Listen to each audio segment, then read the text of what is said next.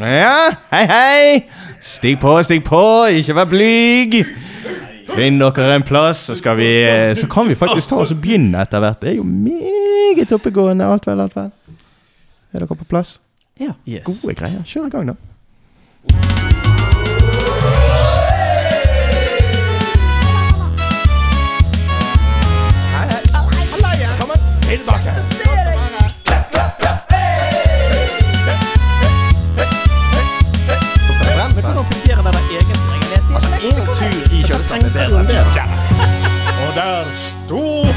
Se hvor lang han har blitt.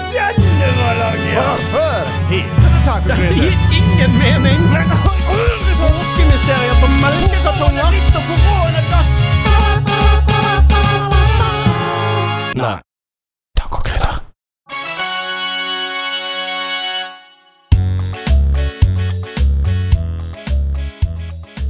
Ja, vi må jo som i alle arrangementer ta høyde for uh, sikkerheten. Så nødutgangen den er altså døren dere kom inn. Uh, noen innvendinger? Jeg må Eh, nei, eh, utmerket, altså. Det er godt å høre.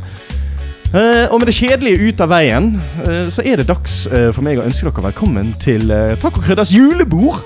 Hey. Eh, og det er ikke bare et julebord, dere. Det er jaggu meg eh, 20 episoders jubileum. Oi, oi, oi. 20 episoder.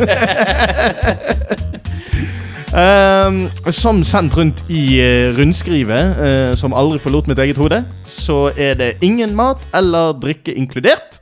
Uh, mat er for øvrig ikke tillatt i lokalet, og drikke har dere med på eget ansvar. Og uh, dere vil merke at jeg har vært en sjenerøs leder og sørget for underholdning som dere står for selv. Så da har du, Eivind, eh, noen flåsete nyheter og et wildcard klart. Pleier å ha det, ja. Det er veldig bra. Og eh, du, Brage, du har gjort klar en liten rant, sant? Selvfølgelig. Ja, det er nydelig! Eh, så da gjenstår det bare for meg å åpne ballet med en aldri så liten skål. Så hvis dere, mine herrer, kan ta og gjøre deres brygg klart Ah. Og eh, da håper jeg bare vi kan ha et pent og pyntelig eh, julebord og jubileum uten de store skandalene. Velkommen! Yeah! ja, da eh, er vi faktisk kommet til eh, 20 episoder og intet mindre rett oppunder julestria og siste episode før jul. Ja. Det er Det er digg. Det er digg. Det er dritdigg. Er det noen som har begynt å bli sliten liksom, å holde på med dette annenhver helg? Jeg syns det, går- jeg synes det går på skinner. Ja. Ikke det hele Jeg tatt. syns dette er går jo ja, ganske bra, dette her. Ja. Det, det, det, altså, vi har jo begynt å få en fin driv i det, syns jeg. ja da, vi klapper oss fint på skulderen her, tenker jeg. Tre halvkjekke gutter som står og skryter av seg sjøl og sine, sine Nei, evner til det- å produsere. Helt normalt, er ikke det? Ja, Ja, ja. Nei, det skal jo sies at uh, for anledningen så, så har vår kjære tekniker uh, gjort klar en alles liten uh, gløgg. Så der, der er vi jo godt stilt i dag. oh ja.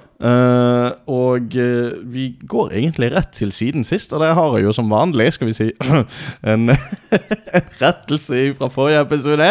Å herre, har ikke du, ikke du på enda en rettelse? Jo, det er helt rett. two for two. Men det ble i alle fall nevnt i eh, forrige episode under brevspalten hvilken filosof man ville snakket med, og jeg nevnte da altså Robert Jordan. Uh, Robert Jordan er for øvrig kjent for å ha skrevet The Wheel of Time-bøkene, uh, som også er ute på uh, som serie nå, og er sikkert derfor er litt sånn i top of my head. Men filosofen jeg altså skulle fram til, er, er Jordan Peterson. Inntil videre, i hvert fall. Nei da, Det ser vi nå, neste nå har jeg gang. dobbeltsjekket. Neste gang blir det rettelse igjen. Ja, Ja. Yes, yes. ja, nydelig. Bra gjennomført. Jo, takk for det, takk for det. Eh, Flink sånn. Ja. ja. Tror du, Nei, men folk, tror du folk har fulgt med på denne saken her? Eh, nei, Tror du folk har gått eh, etter episoden og sånn der Jordan altså, Jeg vet ikke hva du sa feil for noe. Hva faen, det var jeg skal- Robert Jordan og Robert Jo- Jordan Robert Nei, Jo- Herregud. Jordan Peterson. Snakker du om Robert Patterson? Er det det vi skal frem til nå? Nei Hva tror jeg Var ikke han med i den der eh, vampyrfilmen, han? Jo, det var Der, Twilight. han er ikke filosof, Joakim. Nå må du gi deg. De har tatt med oss Vedum i dag. For anledningen. Han sitter ved bordet, men han skal bare le av og til. Okay, Ok, ok, ok Hjelpe meg. Nei, men uh, siden sist, Brage, hva, hva har du på tapeten? Eh, siden sist, eh, bare sånn en glidende overgang, så har jeg eh, sett på eh, eh, Brennpunkt-dokumentar. eh, og da faktisk fra en episode fra 2019 eh, som handlet om eh, kjønnskampen. Og der var faktisk eh, Så jeg må sjekke navnet igjen. Ikke Robert Jordan, men ja, Jordan Peterson. Han var faktisk med der. Ja, ikke Så sant. den, eh, ja, den er litt interessant. Så den, eh, ja.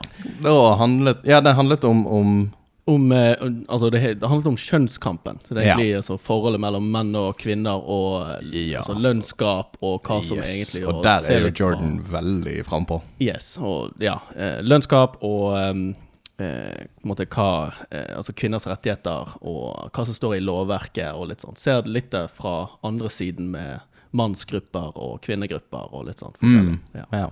It's the goddamn patriarchy.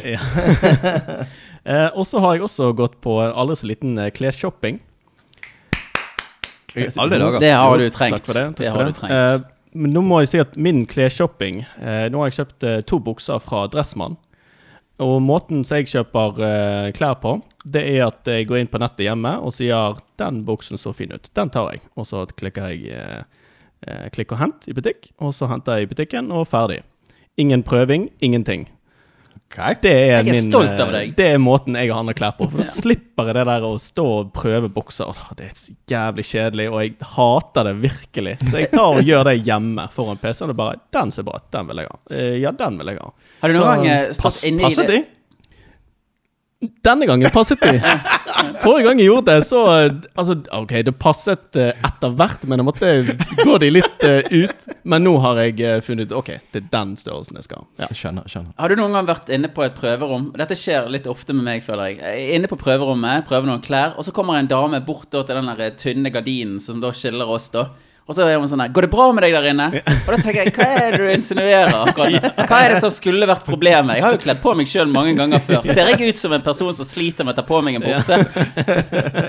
Ja, nei, det går ikke bra. Jeg har fått smekken festet i ballene, og jeg, jeg skjønner ikke hva jeg skal gjøre. Skal jeg komme inn? Nei! Nei, nei, nei det, det, det går bra. Det går bra. Ja, nei, det har vært eh, min uke, egentlig. Ja. Ikke sant. Uh, du da, Eivind? Jeg har egentlig ikke så veldig mye å fortelle. Jeg er ikke helt sikker på hva jeg har gjort de siste to ukene. Det er jo tidlig demens ute og går. Så jeg, eh, når jeg skal prøve, prøve å gå tilbake igjen til all den eh, tiden som har gått, så er det eneste jeg kommer på akkurat nå, det er jo det at jeg har kommet ned her til Brage. Ja. Her, vi, her vi sitter i dag. Det er Altså. her vi sitter i dag, da. Men det skjedde noe som var interessant på veien, da, så jeg syns det var litt artig. Det var det at eh, jeg hørte jo på podkast på veien ned her, da, og koste meg med det. Og så scrollet jeg litt gjennom Facebook, jeg så etter litt sånn nyheter og sånne ting, da. Eh, og så bare lukket jeg Facebook og alt mulig, så la jeg telefonen i lommen. Og så plutselig så går det på en julesang. Ut av det blå. Så da spilles oppå da selve podkasten jeg hører på. Og den julesangen den bare går. Han bare durer i bakgrunnen. Og tenker, jeg her er noe sånn Facebook-reklame eller noe sånt. Men det var jo ikke noe reklame, og det var hele låten som gikk i bakgrunnen. Så begynner jeg å gå inn, og så stenger jeg alle applikasjonene jeg har. Men den der julesangen, den går, den. Så jeg blir gående der liksom med podcast. Jeg har ikke noe jeg kan gjøre med det. Jeg må skru av telefonen hvis ikke. Så hvis ikke jeg vet noe bedre nå, så går den julesangen fortsatt i øretelefonen. Merkelige tekniske problemer vi skal oppleve i hverdagen. Det er litt gøy når vi liksom får lov til å ta del i den oppveksten som har med teknisk eh, utvikling og de feilene som det medfølger. Ja da, ja. Det er sant. det. Jeg syns jo det er utrolig frustrerende når slikt skjer, men uh... Ja. Det er så veldig sånn trist og litt, du, gjerne du hører liksom om drapet, om eh, et, eller annet, et eller annet dokumentardrap, og så er det 'Have a holly jolly Christmas' i bakgrunnen. det er veldig sånn absurd. det er veldig absurd. Den er med på. den er med på. ja. Og det er et nådeskrik som kom gående borti fra broen. 'It's the best time of the year'. Uff da. det ble makabert, dette her. Ja, det.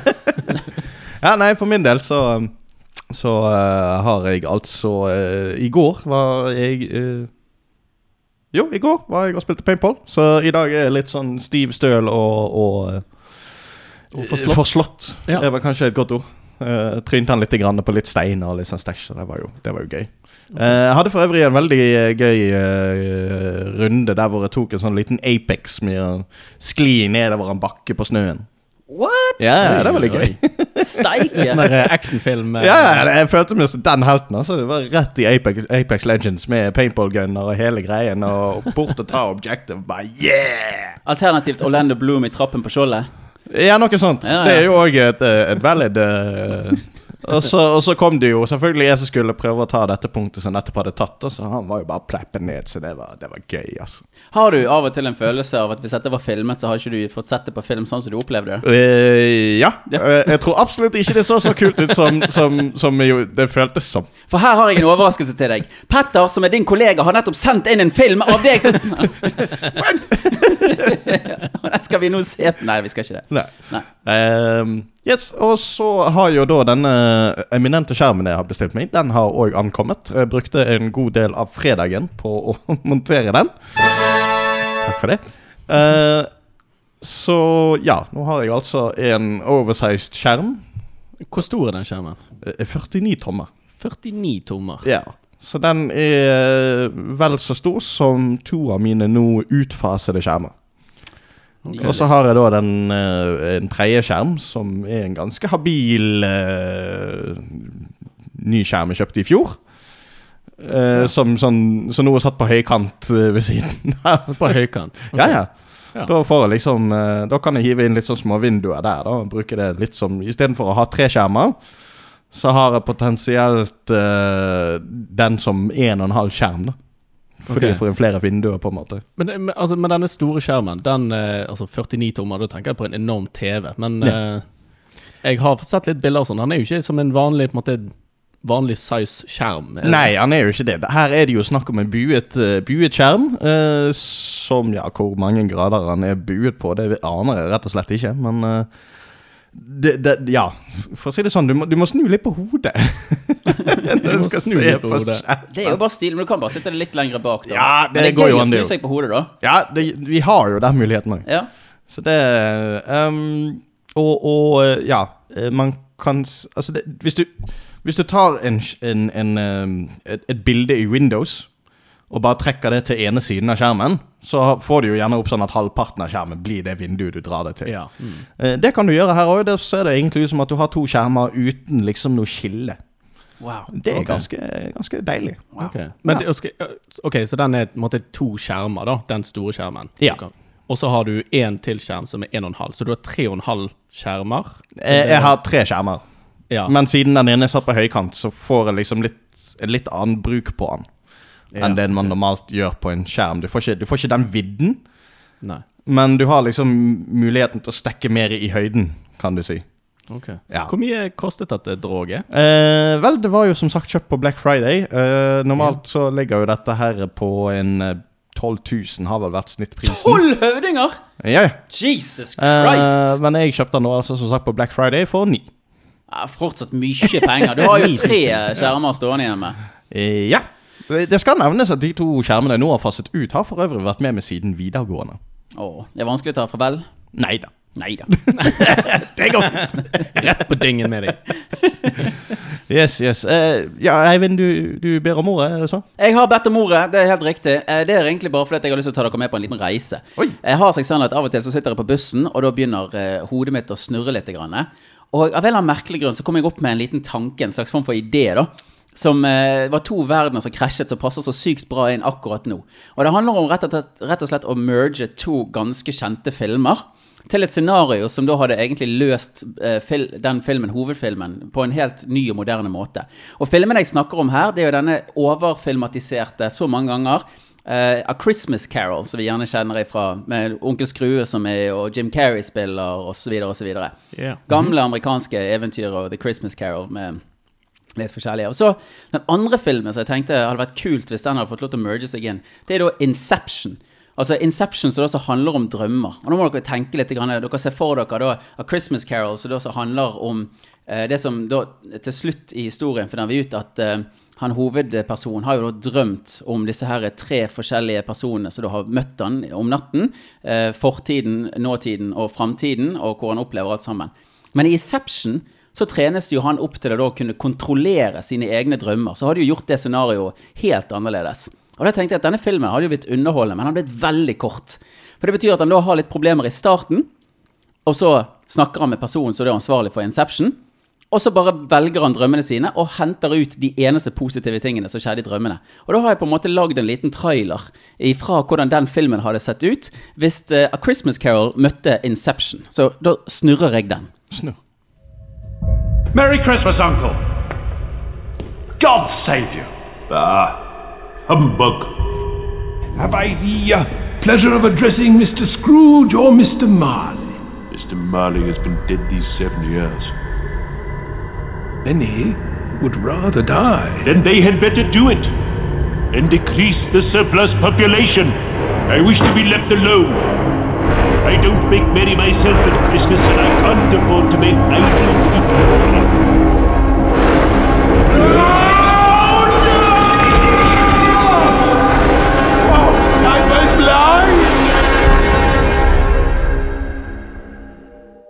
Once an idea has taken hold in the brain, it's almost impossible to eradicate. An idea that is fully formed, fully understood, that sticks. Right in there somewhere. Who and what are you? I know how to search your mind and find your secrets. I know the tricks, and I can teach them to you so that even when you're asleep, your defense is never down. Uh, you, the spirit whose coming was foretold to me?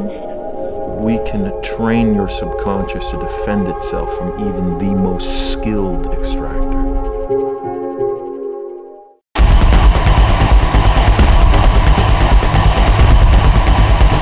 To Mr. Scrooge, the founder of our feast. Merry Christmas to the old man, whatever he is. Uncle Scrooge. The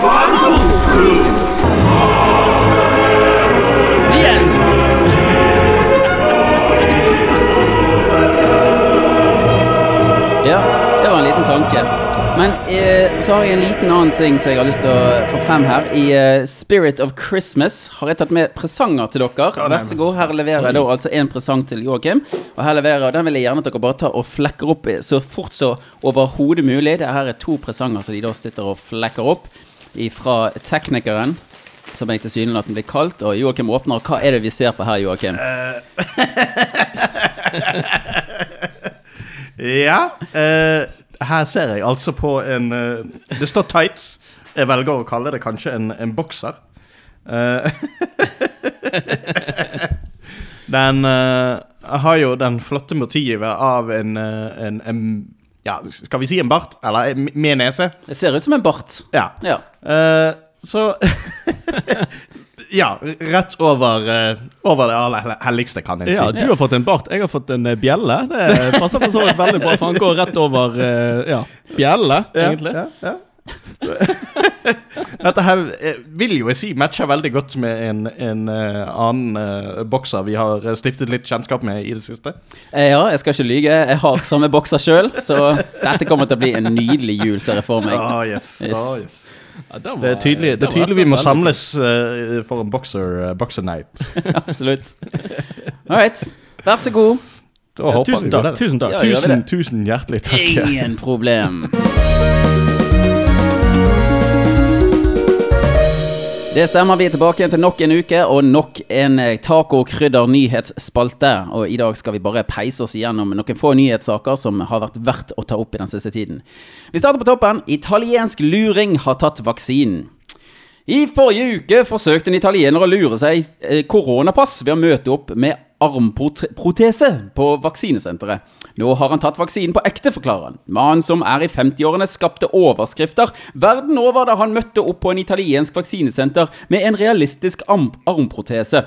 Vaksinepersonellet lot seg imidlertid ikke lure, og mannen ble bøtelagt. I et italiensk TV-program forteller mannen som jobber som tannlege, at nå har at han nå har latt seg vaksinere fordi systemet tvang han. Joakim, du er jo litt redd for sprøyter. Er dette en god idé? Ja, jeg syns det var en veldig god idé å ta med seg en egen protese for å sette vaksiner og slikt i. Selvmordskapsler. En selvmordskapsel som tillater rask og smertefri selvdødshjelp, har nettopp bestått en sveitsisk juridisk godkjenning og er nå lovlig for bruk i landet. Sarkoen er en eh, sarkofaglignende belg som sakte reduserer oksygen og øker nit- nitrogen til personen der inne til han dør fredelig. Den forventes å være klar i drift til neste år. Brage, Ja. hadde dette vært litt morsomt om eh, den boksen her så ut som en telefonkiosk? Det hadde vært det det hadde vært det absolutt beste design choice. Det tror jeg. Det Ja. tror jeg også. Siste sak. Teslas anonyme talsperson uttaler følgende til Nettavisen. Even Sandvold Roland tar av seg pressehenvendelser for Tesla i Norge og er svært ordknapp overfor Nettavisen. Vi har ingen kommentar og ønsker ikke å bli navngitt i artikkel. Du kan f.eks. skrive at talspersonen for Tesla Norge ikke vil kommentere saken, skriver han i en mail til Nettavisen. Nettavisen har spurt han hvorfor han ikke ønsker å bli navngitt i saken, men det har han altså ikke kunnet fått svar på. Joakim, føler du at Even Sandvold Roland får overholdt spørsmålene sine når han blir intervjuet? Eh, Jeg føler i hvert fall ikke at de eh, hørte på han når de skrev den artikkelen. Virker sånn. Det er rett og slett bare vanvittig nydelig, det der. Godt jobbet, Nettavisen. Prima journalistikk. Ok. Nei, vi kan komme oss videre til eh, wildcard, tenker jeg. Vi har et program vi skal gjennom her.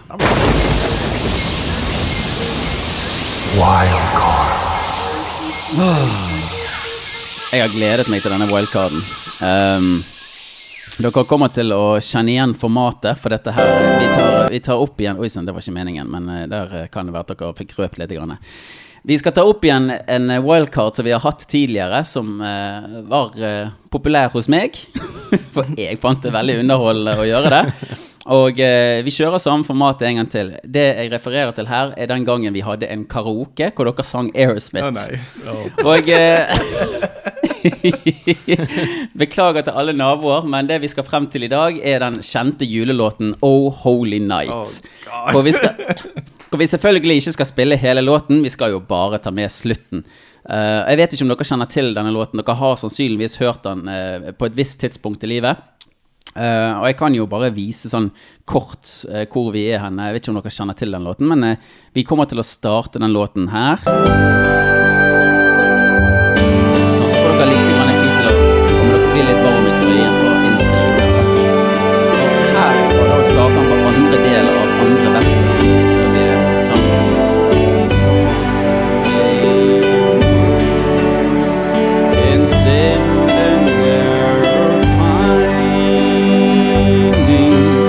Og jeg håper dere kjenner til låten, for han eh, blir jo fort litt mer utfordrende når uh, refrengene kommer uh, på denne tiden er kjent for.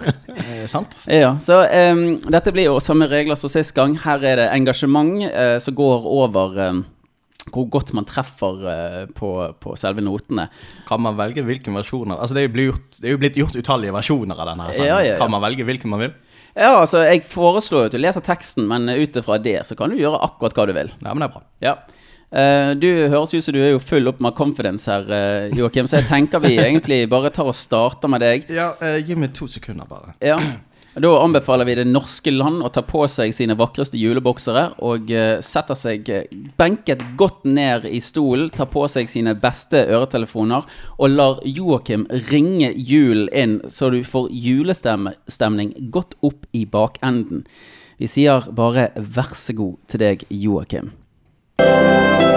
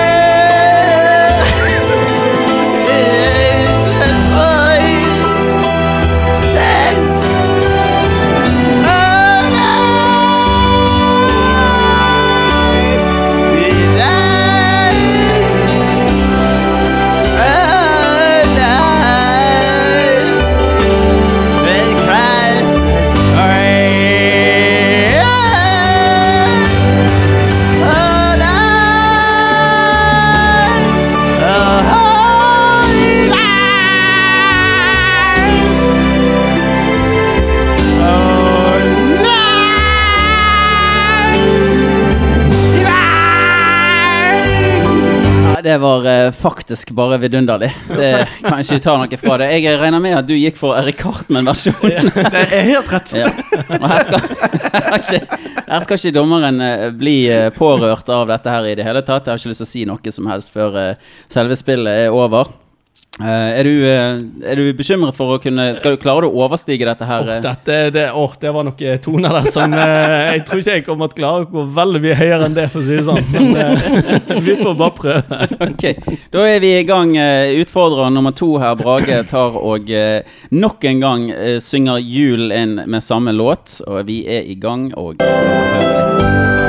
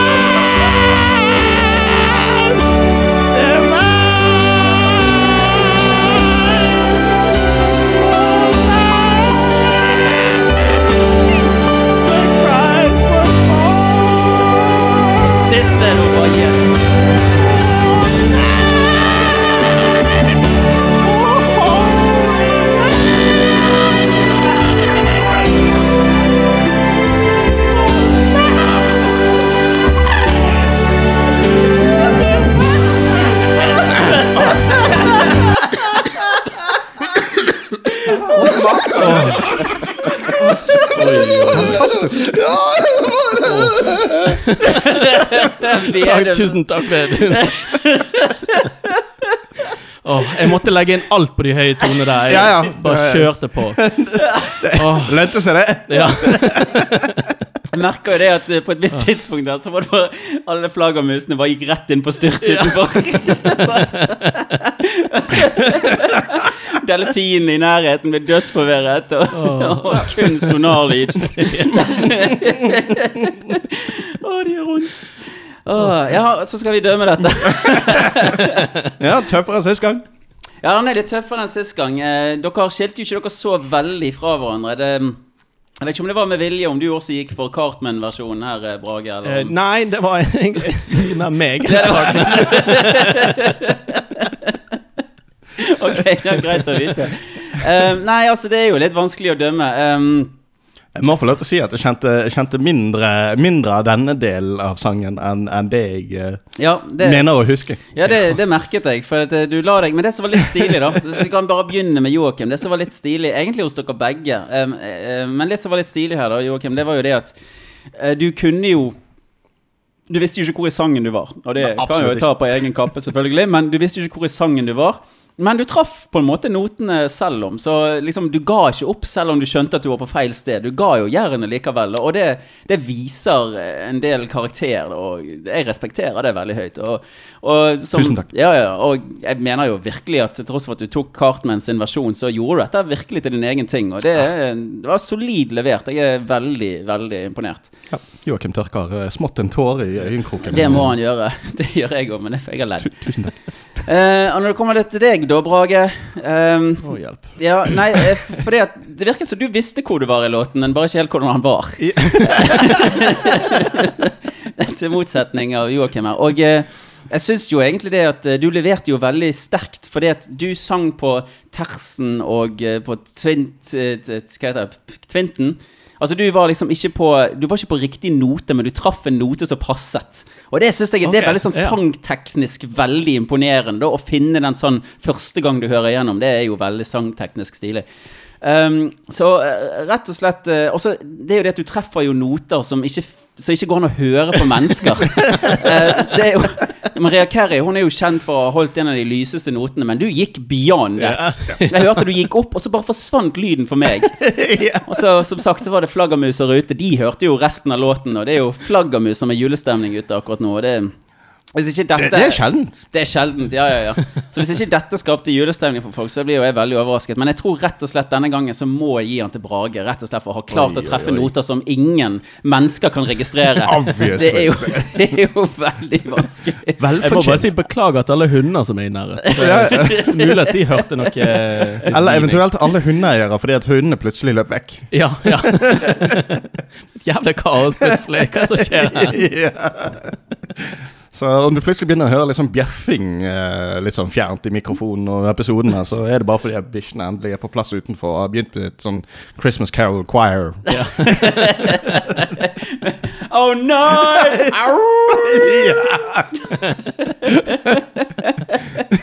Ja, det er nydelig. Rett og slett fantastisk.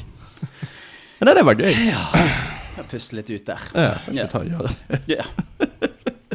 Hvor har vi kommet i programmet Eh, nå? nå er vi faktisk eh, kommet dit hen at jeg skal ta en aldri så liten årstale, så hvis du bare kjører jingle for wildcard igjen, du. Ja, det kan jeg fint ta og gjøre. Det kan jeg fint ta og gjøre.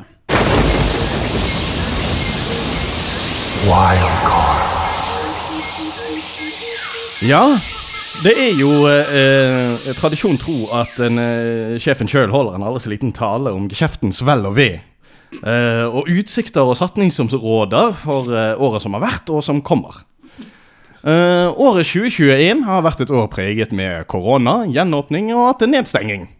Dette har ikke påvirket geskjeften i noen nevneverdig grad, annet enn at det har tidvis vært vanskelig å ta inn gjester. En større utfordring er at ansatte finner for mye å gjøre på fritiden, som igjen går utover produksjonen. Eh, en altfor lang sommerferie er heller ikke heldig.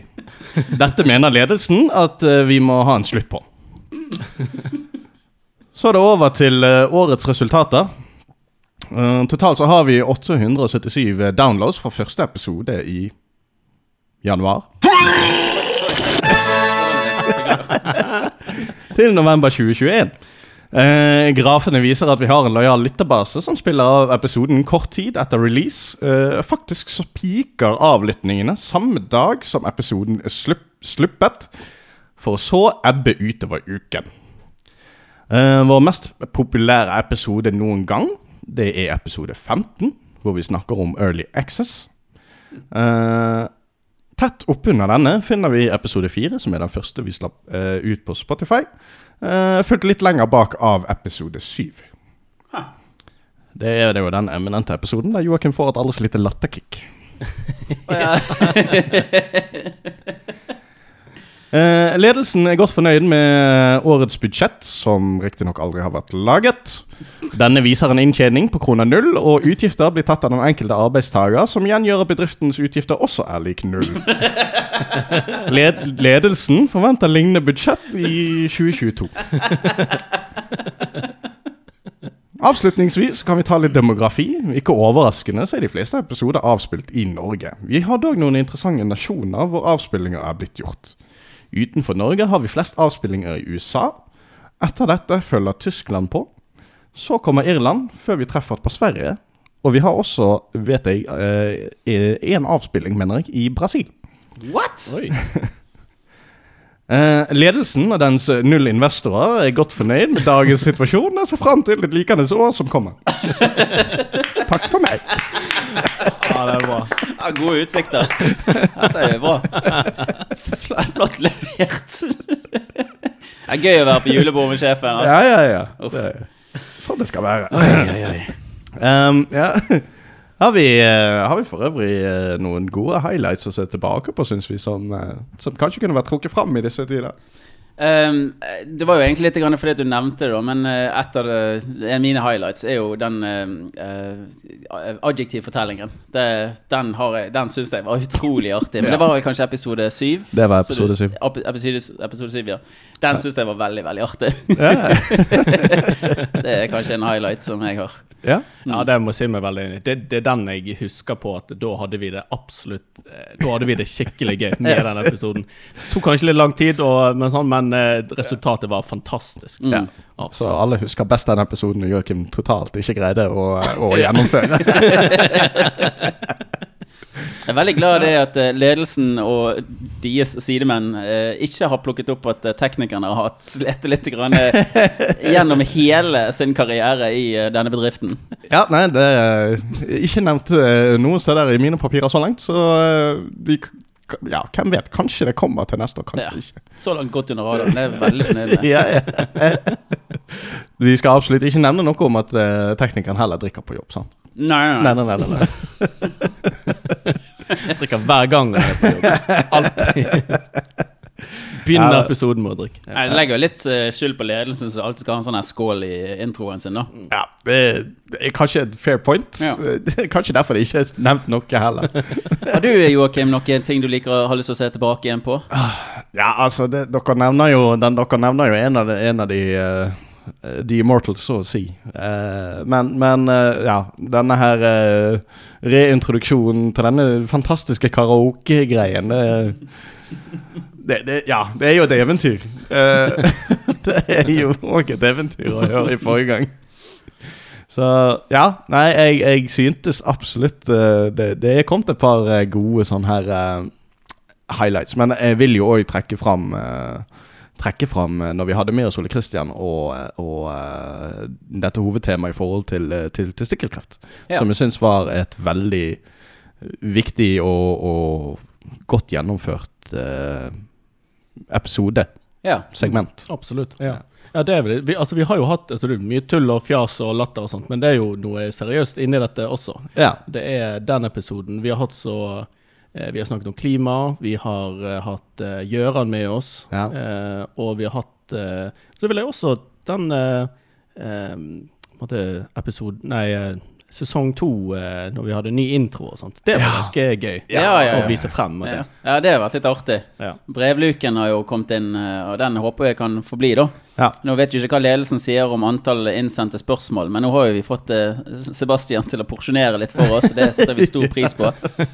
Jeg har egentlig lyst til å stille et spørsmål utad eh, til folket som hører på. Hvordan, dukker, altså, hvordan får de egentlig med seg at det kommer ny episode ut? Det er jo sånn som du sier, at skaren si, hører jo enten dagen eller dagen etter, i hovedsak. Ja, ja. Uh, og da lurer jeg litt på hvordan finner de ut at det er kommet ny episode, for dette er ikke meg veldig kjent. Nei.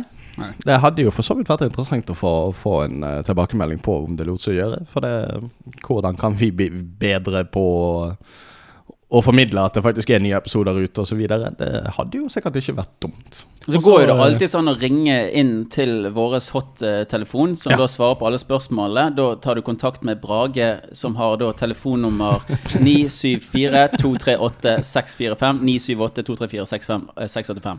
Ja. Så det er bare til å ringe inn og stille spørsmål til, eh, til Brage, da. Å, yes. Neida. Uh, nei men uh, jeg syntes det har vært uh, Jeg syns det er imponerende for jeg greit å komme til 20 episoder. Eh, jeg syns det er eh, en veldig fin ting vi har her. Og så håper jo jeg òg at de som lytter på, syns at dette er en fin eh, Et fint lite avbrekk i hverdagen. Og så veldig shout-out til eh, den ene personen i Brasil. Ja, Det er jævlig kult. Ja. Jævlig kult. Puerto Coro uh, for uh, suarto quanto uh, pesto. Ja, vi har ingen jeg tror det var spansk, men jeg tror de snakker tror- portugisisk. Jeg, Ja, okay, ja. Vi, vi har ingen måte å vite om man snakket riktig eller galt, eller hva det, Det, var for noe. det er mulig det var et feilklikk inn på episoden vår, men det, ja, det, er, det, er, det er et klikk for oss, og det er det som betyr noe for oss. Rett og slett. Nei, men da eh, tenker jeg vi kan hoppe videre til eh, neste post. Ja. Ja.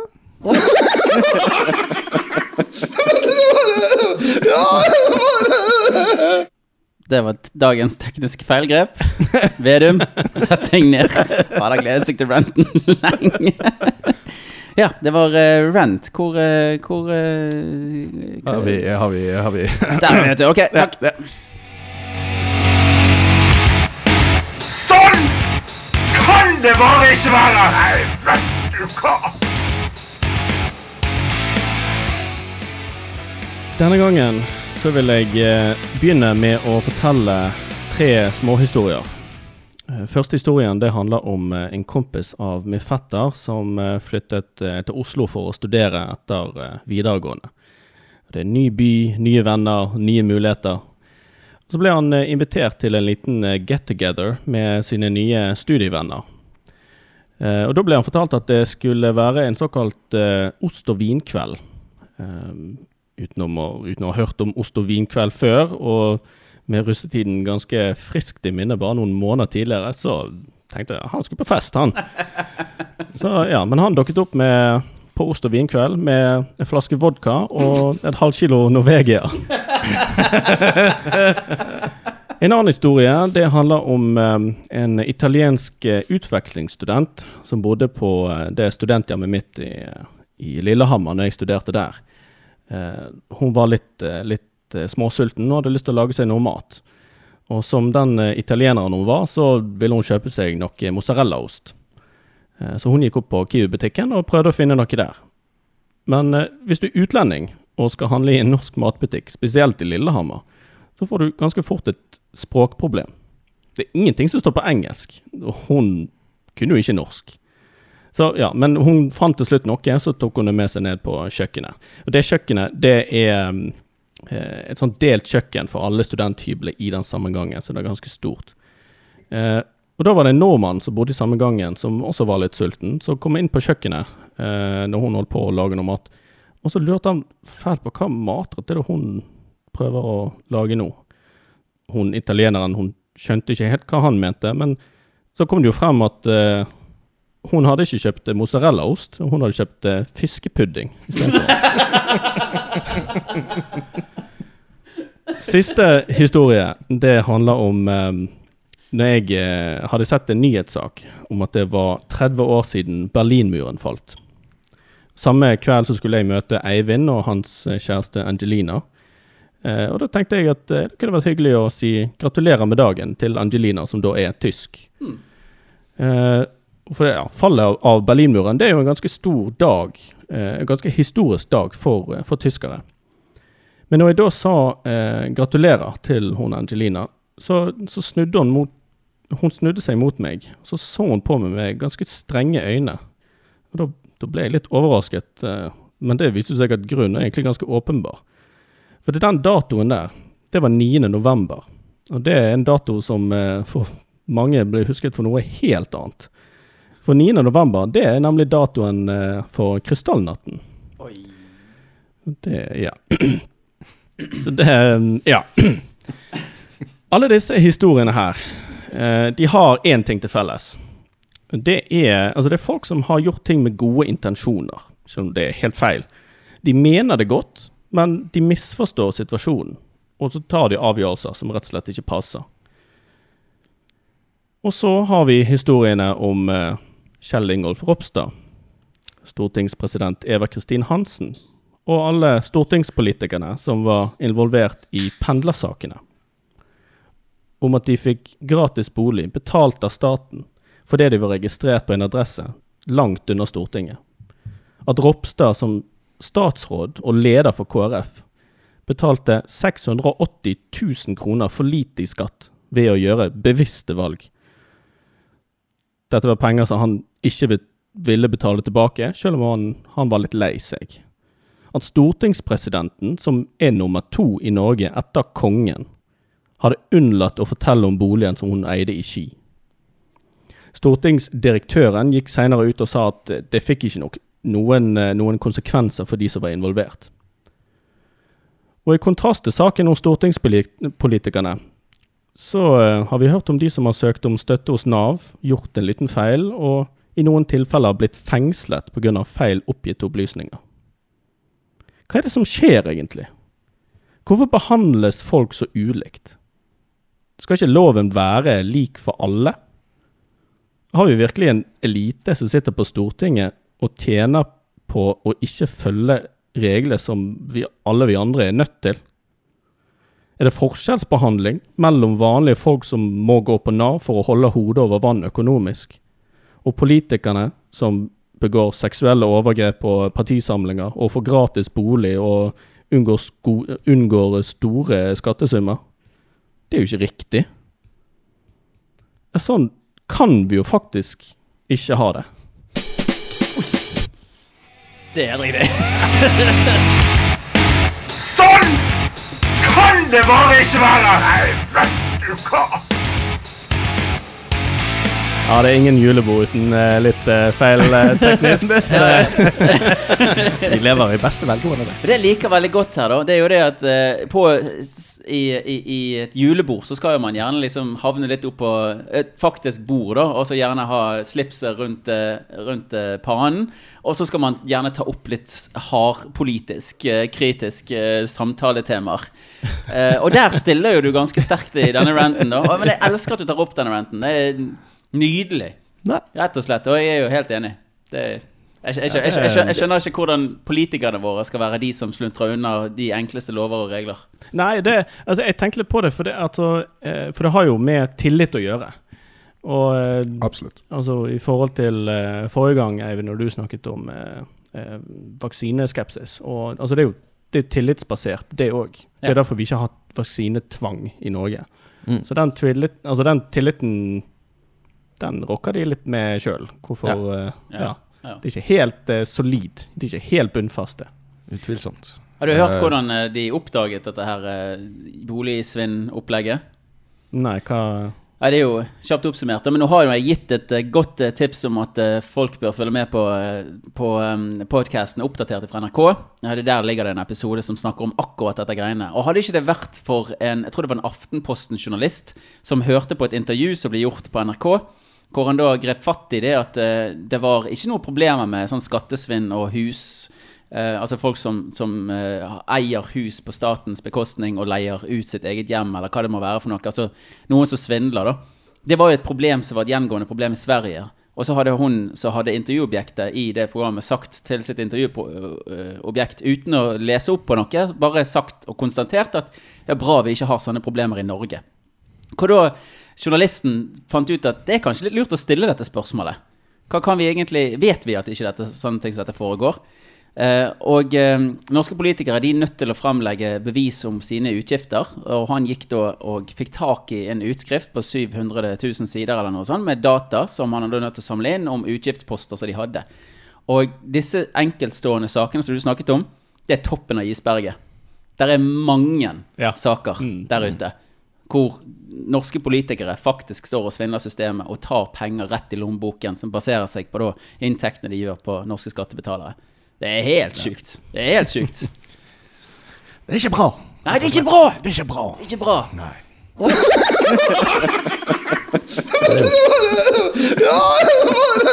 Finansminister, deg ned. Du er like skyldig, du òg.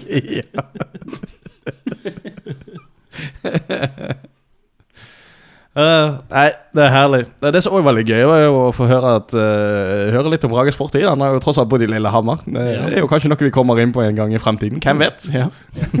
Dypdyk, Altså, vi kan gjerne ha sånn dypdykksepisoder. Ja. Ja, vi griller hverandre litt grann, eh, og jeg får høre litt grann om fort, fortiden vår. Så gjerne litt sånn, hvis du har litt sånn psykiske problemer du henger på, så gjerne brett deg ut og bruk hele verdens befolkning som din eh, eh, Hva heter han? Du, Eh, Din mottaker, Psykolog. Ditt Psykolog. legg deg ned på sofaen foran hele verdens enhet av psykologer og bare grei ut.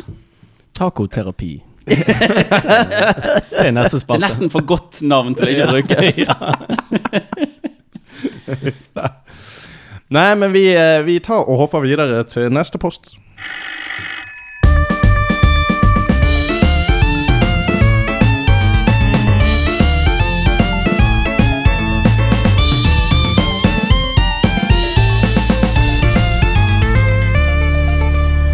brevluke. Ah, der var det hunden. Der var de hundene. Jeg, jeg må rett og slett beklage Ja. alle hundeeiere. Bare han ikke.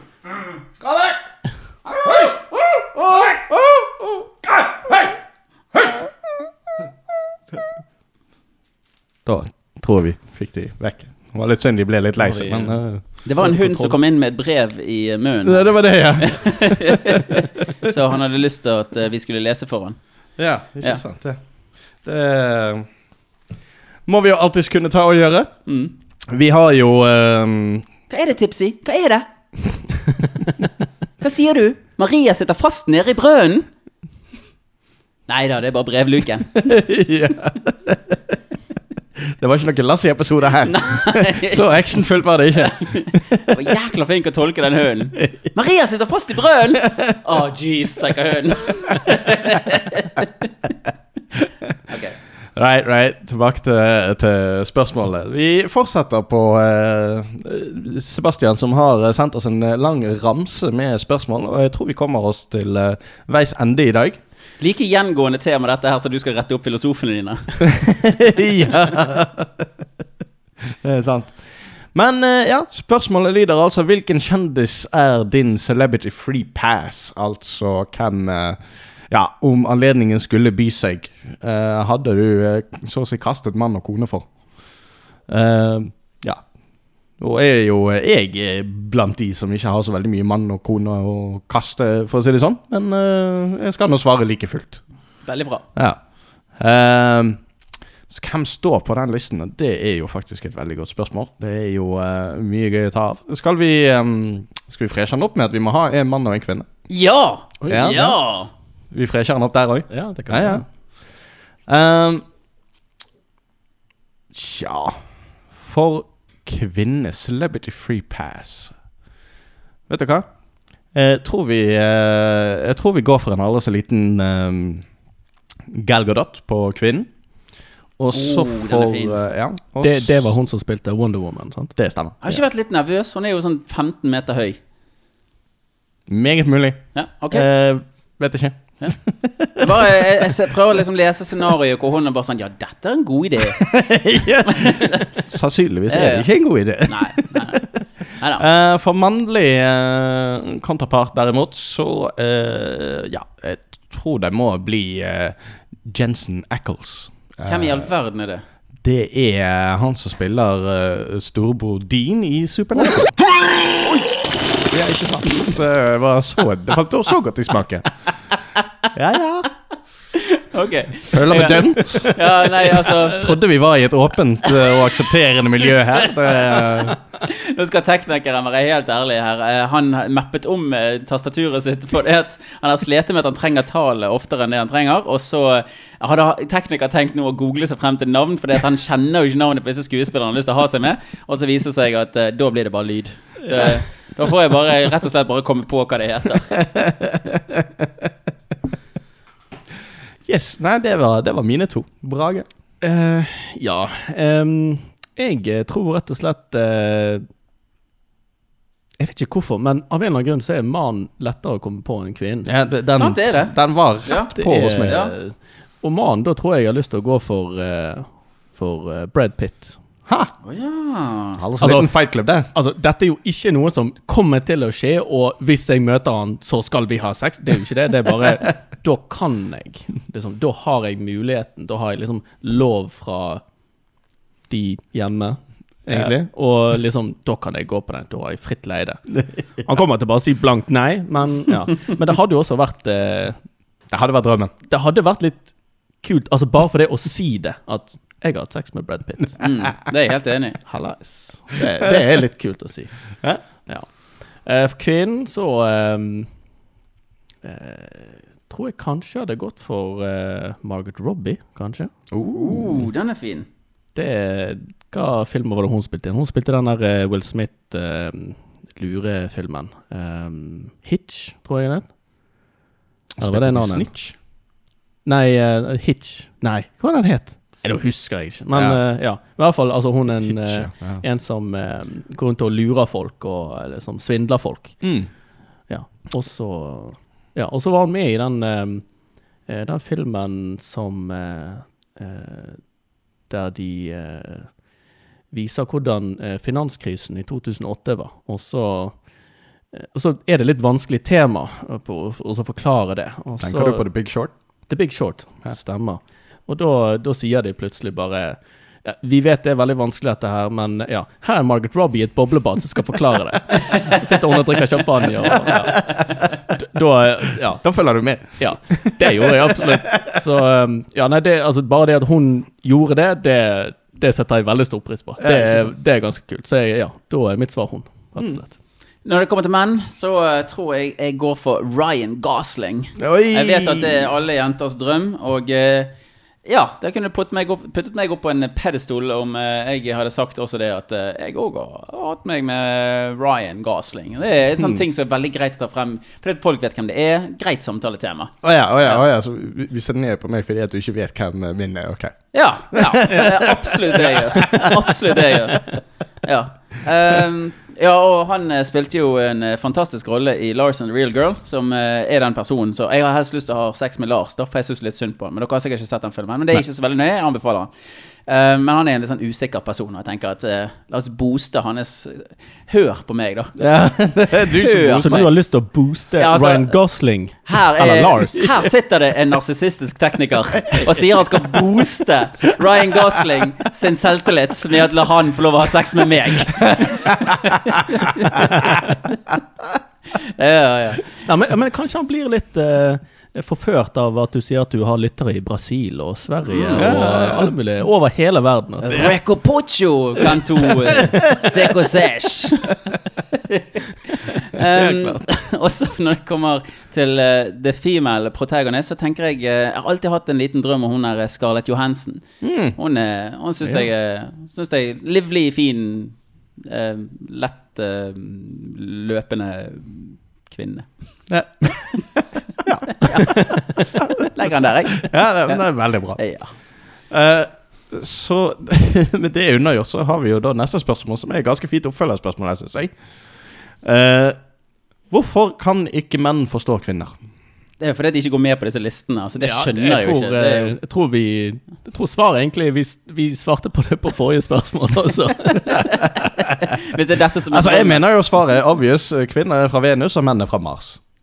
Det er, ja, en filmreferanse der, ja. Ja. Jeg er jo ikke helt enig med at menn ikke forstår kvinner. Jeg, altså, det er jo en enigma, det er jo enig i det, men vi, vi, vi hacker den. Hacker den. Vi prøver så godt vi kan, i hvert fall. Ja. ja. Den, den kan jeg si meg enig i. Men det, det kan være vanskelig, altså. Ja. Det, Men uh, trenger ikke nødvendigvis være lett andre veien heller. Så det nei. Nei, Tror du du er enkel å forstå? Nei. Nei. Nei. På ingen nei. måte. Blankt nei. Av og til forstår ikke meg sjøl engang, så det er jo greit. Ja. uh, neste spørsmål igjen. Det er da altså Hva er din beste film, og hvorfor? Ja, uh, der uh, vil jeg gjerne begynne, og da vil jeg faktisk gripe tak i din female protagonist, Scarlett Johansson. Eh, hun hadde en veldig fin film som heter Lost in Translation. Wow. Og den, eh, den er absolutt min beste film. Eller i hvert fall veldig høyt på listen. Med Bill Murray Bill Murray og Scarlett Johansson. i eh, Japan. Kina? Japan? I Japan. Tokyo. Japan, ja. Japan. ja. Stemmer. Mm. Tokyo.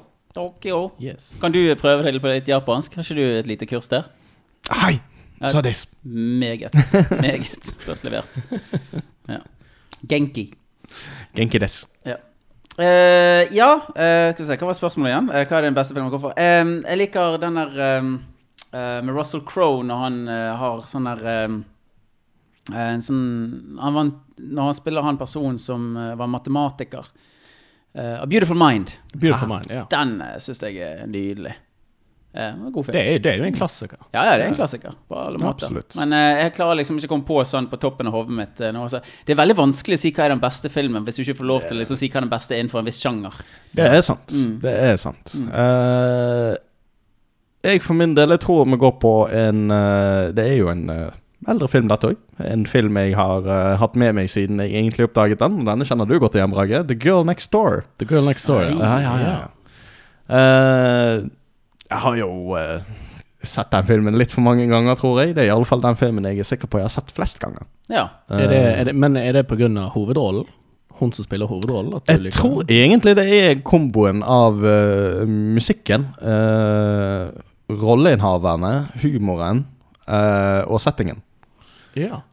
Uh, så det, for meg er det litt av alt. Her er det jo snakk om eh, en, en uh, ung gutt som plutselig får en veldig heit dame som bor i nabobygget, og så ja, er det masse litt sånn eh, ja, merkelige ting som skjer i forhold til første er jo som skjer, er at han uh, står og ser på hun gjennom sitt eget rom, og hun kler av seg. Uh, og så ser hun at han ser på, og dermed så dukker jo han ned og gjemmer seg og er skikkelig flau over hele greien.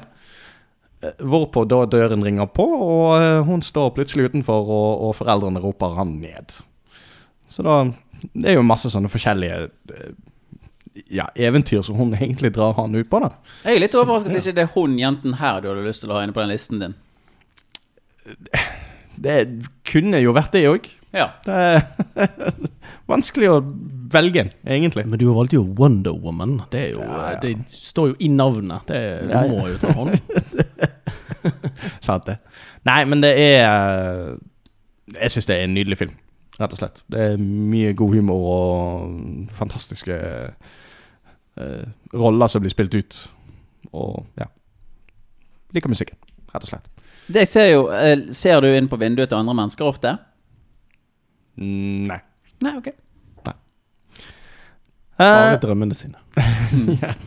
Det er jo en slags vindu inn i en annen persons verden. Jeg syns det er veldig fascinerende. Ja, det er sant. Ja. Mm. Um, neste spørsmål. Og for øvrig det siste stilt av Sebastian. Vi nærmer oss uh, gjennomført her. RIP. uh, som jordens president, ville du innført ettbarnsregel for å redde ressurser og planeten? Kan jeg bare ta opp en liten sak her som jeg syns er interessant? Ja. I går kveld så samlet vi oss i et festlig venners lag, Ja. hvor dette temaet kom opp på bane og ble veldig omdiskutert. Mm. Uh, og Derfor syns jeg det er litt artig at dette spørsmålet plutselig skulle komme frem. Så her tenker vi er nødt til å begrense oss litt på svarene våre, for dette kunne blitt et enormt stort tema. Ja, dette er en episode i seg sjøl. Dette er en episode i seg sjøl. ja. Ja. Uh, og hva svar angår Det er jo egentlig et ja-nei-spørsmål her. Men uh, det blir sikkert litt mer enn det. Uh, for min del mm, det, Jeg tror jeg går på nei, faktisk. Jeg, men jeg mangler uh, egentlig data og alt mulig til å kunne argumentere verken for eller mot. Så Derfor går jeg nei. Jeg tenker verden ruller nå videre sånn som man gjør i dag. Ja, jeg må si meg egentlig ganske enig i det. Eh, jeg tror jeg ville landet på nei, fordi at det finnes andre måter å gjøre det på. Eh, og jeg tror uh, ettbarn, altså ettbarnsregel er ganske, det er ganske et sterkt virkemiddel, altså. Ja. Det er Ja, det er historier fra når Kina hadde ettbarnsregel, at Ja. man eh, Og alt Ja. det medførte. Ja. Eh, det er ikke veldig hyggelige historier der. Nei. Eh, alt man gjorde med sine uønskede barn, rett og slett. Eh, jeg tror det ville Det ville vært veldig sterkt å gjøre i, altså over hele verden. Ja. Eh, det tror ikke jeg hadde gått eh, jeg, tror, jeg tror rett og slett ikke det hadde funket. Nei. Så jeg tror jeg hadde landet på nei, det finnes bedre måter. Ja. Da må jeg bare hive meg på kontrasten her, og eh, det kontroversielle svaret, som eh, da er ja. Eh, med da den lille tanken om hvilket, uh, hvilket menneskeliv og alt det ødelegger. Eh, og hvordan er dette gjennomførbart? Jo, har du et barn, så ligger hun og føder, og du og mannen ligger ved siden av og blir eh, kastrert, rett og slett. Det er jo, kanskje på noen andre måte å gjøre dette på. Det var din eneste sjanse. Eh, og da skjønner jeg også det at eh, noen steder i verden så er vi veldig avhengig av barna våre for å kunne klare å overleve når vi blir eldre, for det er ikke alle som lever i en vestlig kultur hvor vi eh, har en velferdsstat som kan passe på, ta, passe på oss. Så betyr at eh, jeg med min makt rett og slett er nødt til å ofre menneskeliv eh, for å innføre dette her. Og jeg gjør det bare for kontroversen og kontrasten til deres svar, i all hovedsak. Jeg kan jo ikke stå inne for dette svaret med ja eller nei. Så jeg går for ja. Ja. Hvorfor ikke? Hvorfor ikke? Hvor gale kan Ja. det være? Ja, altså Det går jo ikke så bra nå, og det hadde sannsynligvis ikke gått så bra det heller. Så tenker uh, Nå ligger vi i en skillevei her, uh, hvor uh, tre parallelle verdener skilles ut i tre forskjellige tidsepoker. Eh, hvor min verden lever videre med ett barn, og deres verden, en av hver av deres verden lever videre i to barn, eller hvor mange barn de vil ha. Og så kan jo vi ikke gjøre Vi kan jo ikke besøke disse verdenene, så vi vet Nei. jo ikke. Nei. Nei. Det er helt rett. Vi kan bare synse. Vi kan bare synse. Og der stiller vi sterkt. Det er tross alt det vi gjør her. Vi gjør det Ja, der er ingen vitenskapelig eh, hensikt med det vi holder på med her i det hele tatt. Det er bare fjas. Ja. Stort sett, iallfall. Ja. Uh, right, right. Vi har også fått uh, spørsmål fra Frank. Og En av våre lyttere i Tyskland. Det er for øvrig et godt poeng, Ja. så der har vi litt av den statistikken. Uh, han stiller altså det første spørsmålet. Hvilket tacokrydder er best? Da tenker jo han da er det Old El Paso, Santa Maria, eventuelt andre. Eh, jeg må jo bare si det at jeg er jo eh, Santa Maria man true and true. Eh, det er de jeg går for når jeg skal kjøpe tacoingredienser. Krydder og annet. Så det er mitt svar. Ja, jeg tror eh, rett og slett jeg må si Old El Paso. Og det er ikke for å være uenig, bare for å være uenig, men eh, Jo da! jeg, jeg, jeg syns faktisk at det er Av en eller annen grunn så ser jeg for meg at Old El Paso er på en måte det billigere merket, mens El Paso er på en måte det, på en måte det dyrere. Men jeg syns ikke måte, kvaliteten er så veldig forskjellig, og da tar jeg fort det billigere, som er like godt, syns jeg. Ja. Ja. Her skal jeg gi et tips til folk. Santa Maria har en tacomix som heter fajita. Og Jeg skjønner at det skal jo egentlig ikke på taco, men det tacokrydderet, Spice Up Your Life, den er kjempegod. Jeg eh, anbefaler neste tacotur dere tar. Oh, tacotur dere tar. Eh, så eh, prøv dere på en fajita-mix. Spennende. Den er fanatisk. Ja. Ja, den er dritgod. Rett og slett. Eh, piffer opp tacoen i en helt ny retning. Ja. ja, det må vi bare prøve, da. Det må dere bare gjøre. Det skal jo sies at grunnen til at jeg er blitt Santa Maria, det er nok pga. disse lefsene. Ja vel, ja. Jeg syns forskjell på Santa Maria sine lefser er en overlegen klasse fra Old El Paso. Rema 1000 sine egne lefser, eh, de får ikke lov til å komme inn i huset ditt? Nope. Nope. Kan godt hende de har gjort det likevel. Her har ikke ledelsen fått noen sponsoravtale med Rema 1000, så vi er på trygg side her. Yes, yes. uh, neste spørsmål. Hva syns dere om Halo Infinite? Det er litt interessant. Det er jo et nytt spill. Det er veldig nytt spill. Hvor mange her har spilt dette spillet? Det er ikke meg. Ikke meg. Ikke meg heller. Eh, kan jeg Men, skyte inn eh, noe som jeg på en måte glemte å si i nyhetsspalten? At VGA, altså Video Game Awards, nettopp gikk av luften. Og eh, en eh, tidligere eh, anbefaling som jeg ga ut, eh, var eh, eh, It Takes Two. It takes two. It Takes Two vant hele sulamitten. Der Og der det var vant, vel fortjent. Yep. Der vant, der vant årets spill. rett og vant slett. årets spill. Han har også mast navnet sitt til eh, selskapet Take Two, som eh, rett og slett bare fant ut Grådig. at de var grådige og bøllete og bare tok navnet. Det er helt forferdelig. Det det er så grusomt. Holde på på den måten der. Stort selskap. It Takes Two. Nei, tett opp til Take Two. Vi stjeler navnet. Jesus. Ja, ja, men i hvert fall. eh, Det var ikke det som var spørsmålet. nei. Men anekdoter, det er derfor meg og Brage sitter her. Ja, det, der er dere gode.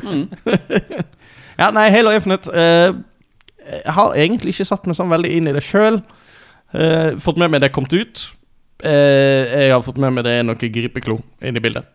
Eh, jeg har prøvd å lese anmeldelser, men de spoiler for mye av historien jeg ikke har uh, inn i minnet. Så jeg har måttet avbryte de anmeldelsene, og sitter igjen med egentlig ganske lite. Ja, jeg eh, har eh, unngått uh, spoilere veldig for meg også. Eh, det er Jeg har sett noen eh, folk spille multiplayer.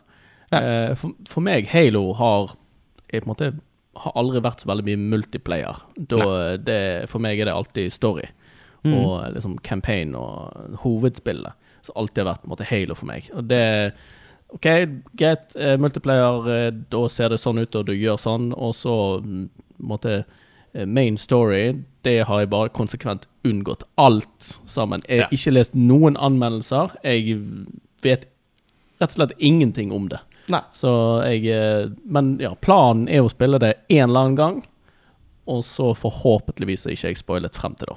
Ja. Uh, vi hadde jo for så vidt en liten intern diskusjon, og jeg mener vi egentlig kom fram til sluttpunktet om at når flere uh, historiedelen blir spillbar på Coop, at vi kjører gjennom den i lag.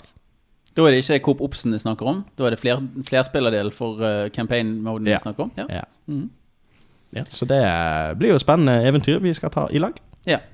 Jeg kan for øvrig si at jeg har sett to anmeldelser eh, som ingen har røpt noen historiedeler av det. Du har bare fått sett en del gameplay og ikke fått sett så veldig mye hva type Nei, men de røpte historie fra forrige spill. I de jeg ja, ja, ja, ja, ja, ja, ja. Nei, nei, nå snakker jeg bare om min tanke rundt uh, Halo Infinite. Ja. Um, og jeg har for øvrig også hørt gjennom hele albumet for musikken, som jeg er positivt overrasket over å se at det har vært eh, involvert tre komponister for å sette sammen. Eh, og det eneste jeg kan si som eh, virkelig gjør meg interessert i dette spillet, det er at det er veldig tydelig preg at de går tilbake igjen til de første tre spillene. Altså Det er det de skal levere her. De kaster seg ikke med på disse her senere spillene. Det var sånn, Fireren var grei, og femmeren var en sånn katastrofeaktig film, spill. Og nå ser det ut som de er tilbake igjen til sine ordinære røtter. Og det ser latterlig gøy ut, rett og slett. Jeg gleder meg masse. Men jeg syns av en eller annen merkelig grunn at det ikke ser så gøy ut å spille aleine. Det er ikke så lineært, ser det ut som, som eh, det første spillet. At du eh, så Altså, dette er en åpen verden med, med begrensninger, som betyr mer at du er på øyer heller enn eh, enn i trange ganger, som da eneren hadde et sterkt preg ut av. Um, men det ser veldig gøy ut, syns jeg. Og um, du har liksom disse her um, grønne områdene og den store ringen som går rundt. Og det handler om Master Chief, og du skal kjøre rundt uh, fra ene stedet til det andre. Og det er en campaign-historie som skal følge opp, og du har referanser til folk som har vært med, og god law og hele pakken. Så dette ser, syns jeg, ut som et riktig retning uh, ifra fra 343-spillselskapet. Ja. Og det slengte vel inn en femmer i NRK. eh, kom ut derifra. Ja, han eh, Ja. Det er fire femmere jeg har satt på de anmeldelsene. Sånn terningskast. ja. Så det jeg er, jeg er spent. Jeg Ja. gleder meg veldig, men jeg har helst ikke lyst til å spille alene. Det ser ikke så gøy ut, det. Det ser ut som det er veldig mye sånn eh, Jeg vet at dere to hadde spilt disse andre spillene. Dere sa det handlet mye om å sette seg i en bil og så kjøre steder man ikke vanligvis kan komme seg. Og det ser ut at dette spillet det er litt lagt opp til at man skal holde på på den måten. Spesielt med den grappling-hooken. At du skal liksom klare å komme deg tyne posisjonen til et sted som ikke utvikleren har tenkt at der skal du faktisk være. Og det er jo en del av gøyen med, med det. Det er sant. Ja. Vi tar siste spørsmål. Uh, kommer Elden Ring til å innfri til forventningene? Har dere spilt masse disse her eh, Hva heter den her spillsjangeren? Dark Dark Souls. Dark Souls. Har dere spilt mange av disse Dark Souls-spillene? Jeg har aldri spilt noe Dark Souls-spill. Nei, ikke jeg heller. Jeg har vært innom uh, har, har gjort Jeg vet ikke hva, hva en, en, en tredjedel, halvparten kanskje, av første spill. Er det Demon Souls? Eller? Nei, Dark Souls. Dark Souls, ok. Ja. Og så var jeg lite grann innom toeren, men det ble revet med fordi at i treeren der var det coop, så der skulle jeg spille med noen andre, så jeg har spilt litt på, mer på det enn jeg har gjort på toeren. Men jeg har egentlig aldri spilt noen av de som veldig Eh, Men jeg kan si de er frustrerende, ja. Veldig. Men uh, det som er med uh, eh, Elden Ring Jeg vet Den er vel skrevet med, av han der uh, Skulle si tolken, men han, han som skrev Game of Thrones. Ja. Ja, George R.R. Martin. Stemmer. Han har jo vært med å skrive historiene, og det syns jo jeg er litt spennende. Ja. Og eh, det, altså jeg, vet ikke, jeg kan ikke helt forsvare hvorfor jeg ikke har spilt det, for det, det har jo endret hele spillverden sånn til de grader. Ja, det er absolutt. Det er ganske, det er ganske store spill. Ja. Og Elden Ring er noe som mange, mange har sett frem til i flere år. Mm. Så det er jo et av de absolutt eh, store spillene. Det er det. Jeg har uh, like fullt ikke satt meg noe inn i det. Nei, ikke jeg heller. Jeg tror, jeg tror rett og slett at jeg ikke kommer til å spille så veldig mye. Hvis ikke jeg får en Hvis ikke jeg ser noen videoer som tenker å, dette så veldig kult ut, og så bare må jeg spille det. Men Mm. jeg har ingen eh, jeg, jeg tror rett og slett ikke at jeg kommer til å spille det. Så jeg kan ikke svare på det spørsmålet. da. Dette er jo en spillserie som er litt sånn uh, role-playing game-type-aktig ting, så du utvikler karakteren din litt, grann, men i kjernen av det hele, og det er vel det som gjør disse spillene så interessante, så handler det om å bli god. Altså rett og slett klare å mestre spillet. Og Ja. hvis du gjør det, så får du en sånn Spiller brutalt hard. Ja, spiller brutalt hard, men du får en sånn mestringsfølelse som sikkert er ganske givende for spilleren. Ja. Så det, det er sikkert nok eh, grunn til at det har kom, seg såpass høyt opp på pallen av uh, spillsjanger. Det er det nok. Eh, så kommer det til å innfri forventningene. Vi har ikke peiling. Har ikke peiling. Har ikke så veldig store forventninger, og vet ikke om jeg noen kommer til å spille det. Nei, sant. Nei. Jeg hadde egentlig følt litt dårlig hvis jeg skulle spilt det uten å ha rørt noen av de andre. Ja, jeg tror jo Elden Ring er selvstående. Det er bare Du kan si du får Dark Souls og Demon Souls, eller hva det var. Eh, litt sånn slengt etter det, fordi at det er de nærmeste spillene til sjangeren. Men jeg, jeg tror ikke det er en oppfølger til noen av Nei dem. da, nei, jeg er klar over det. Jeg bare, Likevel så har jeg på en måte lyst til å skjønne sjangeren før jeg går med sånn at, sånn at jeg kan gå litt mer rolig inn i dette eventyret. Så kan jeg heller stresse med de andre. Ja, ja. Så dette har jeg lyst til å slappe av og liksom nyte litt. Mm. ja. Eh, da var vi egentlig ferdig med brevluken. Var vi det? Ja, faktisk.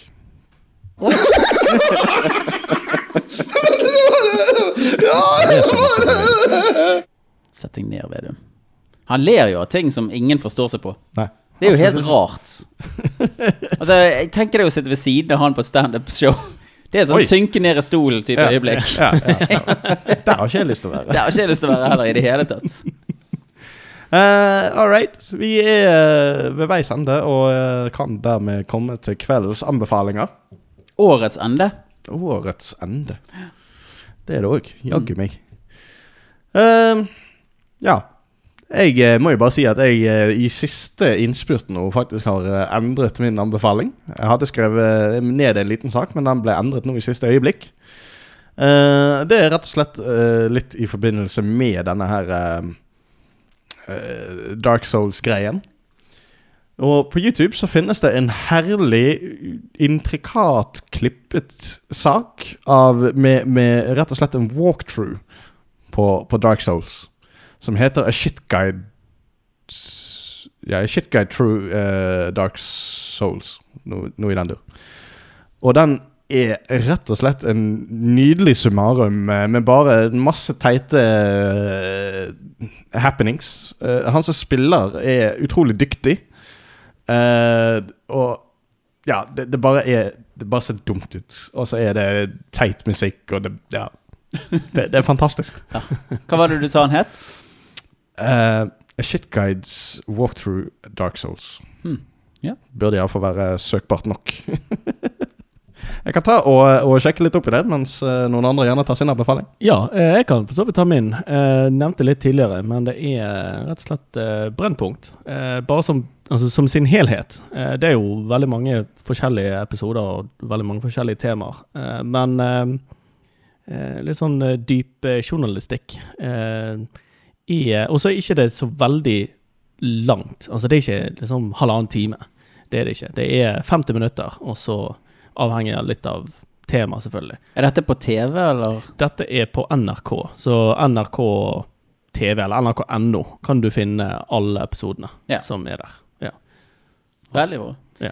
Jeg eh, vet jo også det at uh, den her eh, Oppdatert de har jo et veldig tett samarbeid med Brennpunkt. Og mye av sakene kommer jo ut fra Brennpunkt-episoder òg. Og får litt sånn dypdykk inn i hva de episodene kanskje dreide seg om. Så det er veldig mye sånn, de går litt om og men der, da. Så jeg vil si at Oppdatert er jo på en måte podcast-versjonen av Brennpunkt. Ja. Mm. Ja. Men det var eh, det, Det, ja, det var, det var der. min anbefaling. Jeg frykter at jeg kommer med en anbefaling som jeg gjorde i fjor, men kanskje det kan bli eh, en tradisjon, for at eh, jul handler jo tross alt om tradisjoner, og jeg skal jo da i våre 40-50 år vi har tenkt å fortsette med dette her, så kan jo jeg fortsette å gjøre dette her hver siste episode før julaften til hele fuckings verden har fått med seg at de må se Klaus som eh, streames på Netflix. Nydelig spansk animasjonstegnefilm som er origin-storyen til julenissen. Det er tidenes juleorgasme. Rett og slett. Hvis ikke du kjenner den opp i baken, så har du ikke følelser. Det er min mening. Ellevilt. Gøyt ja, eventyr. Eh, ja, da fant jeg altså hva den het. Den heter uh, Anbefalingen jeg ville fram til, altså. Heter The Dumb Shits Guide to Dark Souls. Nydelig. Yes. Nydelig. Fantastisk sak. Er det da god jul, eller? er Da det- er det faktisk god jul og ho, ho, ho og eh, Takk for, Merry et, Christmas. takk for et fint år, gutter.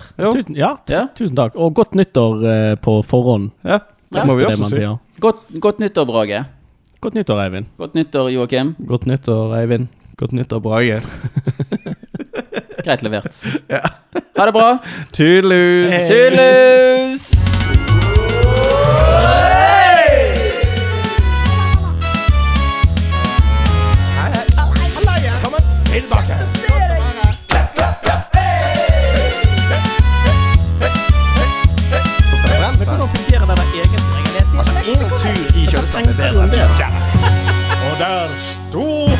Se hvor lang han har blitt. Hvorfor? Dette gir ingen mening. Påskemysterier på melkekartonger. Nei.